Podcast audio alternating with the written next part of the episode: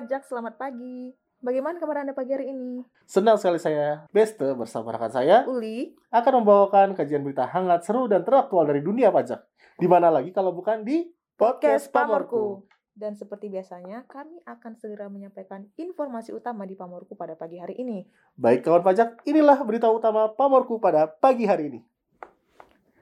Pamorku periode 5 sampai dengan 11 September 2020 terdiri dari total 374 berita dengan puncaknya terjadi di tanggal 9 September 2020. Terdapat artikel dengan tone negatif pada minggu ini, yaitu mengenai rasio pajak yang satu dekade menempati posisi terendah dan insentif pajak yang dinilai kurang efektif dalam menahan alih fungsi lahan pertanian.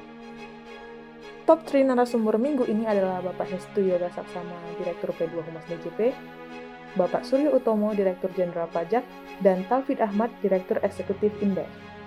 Bahasan utama pada periode ini adalah DJP kembali menunjuk 12 perusahaan sebagai pemungut PPN atas barang dan jasa digital. Kemenkeu sebut realisasi stimulus untuk UMKM mencapai 36,6 persen. Tim IT Resmob di Treskrimum Polda Bali menangkap seorang DPO kasus perpajakan Ignatius Michael atau Michael Tirta di Desa Grogak, Buleleng, Bali pada Jumat 4 September 2020. DJP dan Mining Industri Indonesia atau Mine ID menjalin kerjasama mengenai integrasi data perpajakan. DJP dan Australia Taxation Office atau ATO menandatangani nota kesepahaman atau MOU mengenai pertukaran informasi secara otomatis atas informasi bukti pemotongan PPh dan DJP tengah berusaha merealisasikan kebijakan penggabungan NIK dan NPWP.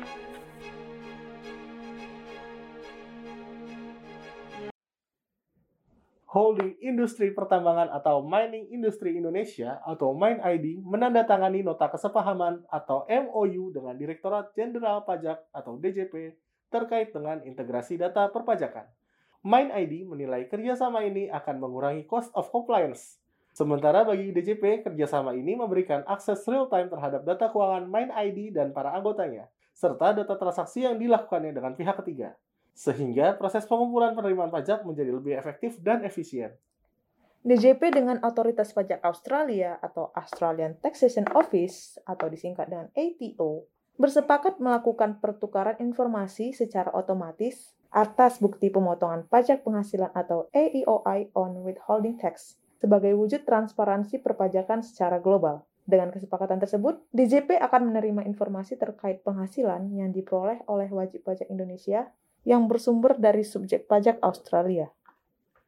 Dirjen Pajak mengatakan bahwa tidak semua penduduk Indonesia akan dipungut pajak, meski ada penggabungan NPWP dan NIK. Hanya penduduk dengan penghasilan di atas 54 juta per tahun atau 44,5 juta per bulan. Dengan penggabungan NIK dan NPWP menjadi satu data tunggal, maka akan terjadi sinkronisasi dan validasi data wajib pajak. Terima kasih untuk para pendengar yang masih setia mendengarkan sampai ke sesi wawancara. Kali ini kita kembali kedatangan narasumber yang sebenarnya sebelumnya sudah pernah hadir pada episode pertama kalau pendengar masih ingat. Beliau adalah Bapak Riza Alman Faluti atau kalau di Humas biasa disapa dengan Pak Riza, Kepala Seksi Pengelolaan Situs P2 Humas DJP. Selamat datang Bapak. Selamat datang, terima kasih. Terima kasih Pak telah bersedia datang kembali Pak. Nah, kan akhir-akhir ini kan Pak khususnya pada minggu ini Pak ramai diberitakan di media massa bahwa DJP kembali menunjuk 12 perusahaan digital sebagai pemungut PPN sehingga kan ada total 28 perusahaan Pak. Dan mulai 1 Oktober para pelaku usaha ini akan mulai memungut PPN atas produk layanan digital yang dijual kepada konsumen Indonesia. Apakah kabar tersebut benar, Pak? Ya, tentang 28 pemungut PPN PMS yang telah ditunjuk itu memang betul. Tetapi kalau kabar tentang bahwa jika konsumen berbelanja online di salah satu e-commerce terkenal akan dikenakan PPN hmm. itu yang tidak tepat. Oh gitu. Ya, karena apa?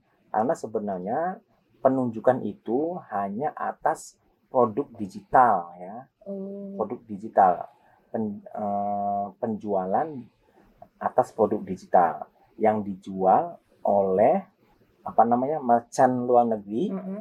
Di marketplace lokal. Oh gitu. Gitu ya. -hmm. Nah, marketplace lokal ini yang bertugas dan punya kewajiban memungut PPN. Oh, gitu. gitu ya. Jadi apabila terjadi nih misalnya nih saya sebagai konsumen lagi nyari apa namanya hmm, lagi nyari uh, produk digital di marketplace. Kemudian uh, ternyata marketplace itu yang jual produk uh, yang jual produk itu adalah merchant luar negeri yang di marketplace itu. Maka Ah, yang bertugas mengut adalah si marketplace lokal itu, marketplace bukan lokal. yang merchant luar negeri. oh gitu. Itulah terjadi pemungutan PPN PMSE. gitu. Jadi untuk kos- khusus produk digital Sebagai informasi untuk para pendengar yang mungkin belum tahu, pemajakan PPN atas transaksi dengan e-commerce ini diatur dalam Peraturan Menteri Keuangan Nomor 48 Tahun 2020. Lalu Pak, mengapa perusahaan e-commerce lokal, maksudnya e-commerce yang bertempat kedudukan di Indonesia bisa ditunjuk sebagai pemungut PPN produk digital luar negeri? Sementara kalau kita lihat aturannya ini kan mengatur PPN atas BKP tidak terwujud dan JKP yang dari luar ke dalam negeri Pak. Eh, kita sebut ya e-commerce lokal ini sebagai eh, marketplace lokal ya. Mm-mm. Jadi bisa marketplace lokal ataupun e-commerce lokal itu ditunjuk sebagai pemungut PPN produk digital luar negeri apabila Mm-mm. ya ada merchant luar negeri yang menjual produk digitalnya Mm-mm. ke konsumen Indonesia melalui marketplace lokal itu. Oh Tuh, gitu. Ya, jadi Berarti bukan yang langsung dari luar ke konsumen Indonesia, Heeh. tapi melalui marketplace lokal itu, maka Oh, marketplace lokal itulah yang ditunjuk sebagai pemungut PPN. PMSE. Oke, Pak. Itu. Oke. Kalau untuk mekanisme penunjukan pemungutannya seperti apa, Pak? Mekanisme penunjukan marketplace lokal Heeh. sebagai pemungut PPN PMSE Uh-uh. sama saja dengan eh, penunjukan dari pihak mm, di luar Indonesia ya Mm-mm. yang ditunjuk sebagai pemungut PPN PMSE Mm-mm. yaitu eh, DJP akan menunjuk mereka Direktur Jenderal Pajak mengeluarkan surat keputusan penunjukan Mm-mm. sekaligus memberikan surat keterangan terdaftar sebagai pemungut Uh-uh. PPN PMSE dan ada yang namanya nomor identitas perpajakan. Heeh. Dua itu diberikan kepada eh, pemungut PPN PMSE itu Uh-uh. ya. Kalau marketplace lokal itu sudah memiliki NPWP, tetap akan diberikan nomor identitas Nomor perpajakan. Oke. Ya. Nah, itu kan setelah pemungutnya diberikan surat itu, ada nggak kemungkinan kalau pem- eh, status pemungutnya itu dicabut oleh DJP, Pak? Ya, bisa ya. Uh-uh. Eh, jadi penunjukan penyelenggara PMSE sebagai pemungut PPN PMSE apabila telah memenuhi kriteria-kriterianya. Mm-mm. Seperti kita ketahui, kriterianya itu adalah eh, kalau dia memiliki nilai transaksi dengan pembeli Indonesia itu melebihi 600 juta dalam setahun atau Mm-mm. dalam sebulannya itu sekitar 50 juta Mm-mm. atau dia memiliki eh, jumlah traffic atau pengakses dari Indonesia itu melebihi 12.000 dalam setahun atau sekitar 1.000 dalam setahun. Mm-mm. Eh, maaf, 1.000 dalam sebulan pengakses Hmm. gitu ya. Jadi ya tidak memenuhi kriteria itu ya kita cabut itu. DJP gitu. akan mencabutnya. Gitu. Terus gimana kalau misalnya dia itu udah memenuhi kriteria yang tadi Bapak sebutkan itu kan, Pak? Tapi dia nggak laporkan ke DJP kalau dia itu udah memenuhi kriteria sebagai pemungut. Konsekuensinya ad- ada nggak, Pak? Tidak ada. Oh, tidak ada. Karena memang sifat penunjukan pada dasarnya setelah jabatan oleh DJP. Mm-mm. DJP dituntut untuk lebih proaktif mencari data-data pelaku usaha PMSE untuk Mm-mm. ditunjuk sebagai pemungut PPN PMSE. Oh, Jadi eh, bagaimana kemampuan DJP saja untuk apa namanya mana sih nih eh, pelaku digital dari luar negeri itu yang sudah memenuhi kriteria oh, gitu. Nah, itu kan dia udah jadi pemungut, berarti dia pasti punya kewajiban dong untuk membuat bukti pungut. Nah, bukti pungutnya sama nggak Pak dengan yang udah ada sekarang Pak? Atau Ya. gimana? Jadi ketika eh, pemungut PPN PMSE itu melakukan usahanya menjual produk digitalnya tentu ada dokumen ya yang diperlukan. Mm-mm. Ini dokumen ini yang lazim di, di, di dunia usaha seperti commercial invoice, billing, Mm-mm. order receipt atau dokumen sejenis lainnya lah. Iya. Yang penting di situ di dalam bukti itu ada ada sebuah pernyataan bahwa telah terjadi pemungutan PPN dan telah dilakukan pembayaran. Nah, itu dianggap sebagai faktur pajak bisa ya. Oke. Bisa dianggap sebagai faktur pajak sepanjang mencantumkan nama, NPWP pembeli dan alamat email pembeli yang terdaftar di DJP itu. Hmm. Nah, apabila mencantumkan itu, eh, bukti pungut itu bisa dianggap sebagai faktur pajak dan dapat dikreditkan oleh eh, pembeli yang eh, statusnya juga sebagai pengusaha kena pajak Oh. gitu. Berarti sederhananya untuk pemungut PPN yang ditunjuk ini mereka diberikan kebebasan untuk membuat faktur pajaknya asalkan memenuhi tiga kriteria itu ya Pak. Ya, Oke. membuat bukti pungutnya diberikan be- kebebasan seperti itu. Oke Pak. Ya. Kalau untuk yang mereka ini pemungut PPN digital ini harus setor dan lapor PPN-nya itu kapan Pak? Jadi ketika mereka melakukan pemungutan PPN, maka ada kewajiban untuk menyetorkan PPN-nya. Mm-mm. Paling lambat kapan?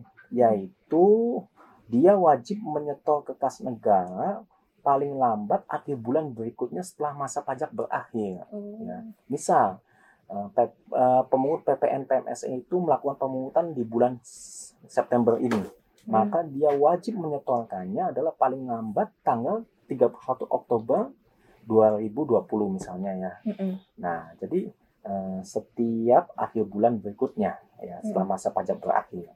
Setiap bulan tuh kalau penyetoran. Mm-mm. Sedangkan kalau pelaporan, maka pelaporannya adalah triwulanan. Oh triwulan. Ya, triwulan eh, dalam setahun itu ada empat kali pelaporan berarti. Oh, gitu. Nah, Triwulan Iya. pertama itu antara Januari, Januari, Februari, Maret. Triwulan kedua adalah April, April, Mei, Mei, Juni. Eh, Triwulan ketiga adalah Juli, Agustus, September. Mm-mm. Triwulan keempat adalah Oktober, Oktober, November, November, Desember. kapan dia oh, paling lambat melaporkan Mm-mm. yaitu akhir bulan berikutnya setelah periode triwulanan berakhir.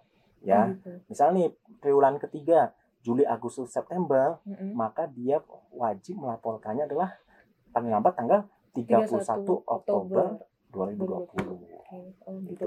Nah, selain dari laporan eh, ada penyetoran, ada kewajiban pelaporan triwulanan, Mm-mm. ada juga kewajiban laporan tahunan. Oh, Itu jika diminta oleh DJP dalam hal ini adalah kantor pelayanan pajak badan dan orang asing. oh gitu. Kalau yang tahunan itu nggak wajib ya Pak, asal ada permintaan dari KPP Badora. Iya, Oh, betul. gitu. Oke Pak, terima kasih Pak. Sudah meluangkan waktunya untuk menjawab pertanyaan ini. Jangan Sama-sama. bosan-bosan lagi ya Pak kalau kita undang kemari. Siap.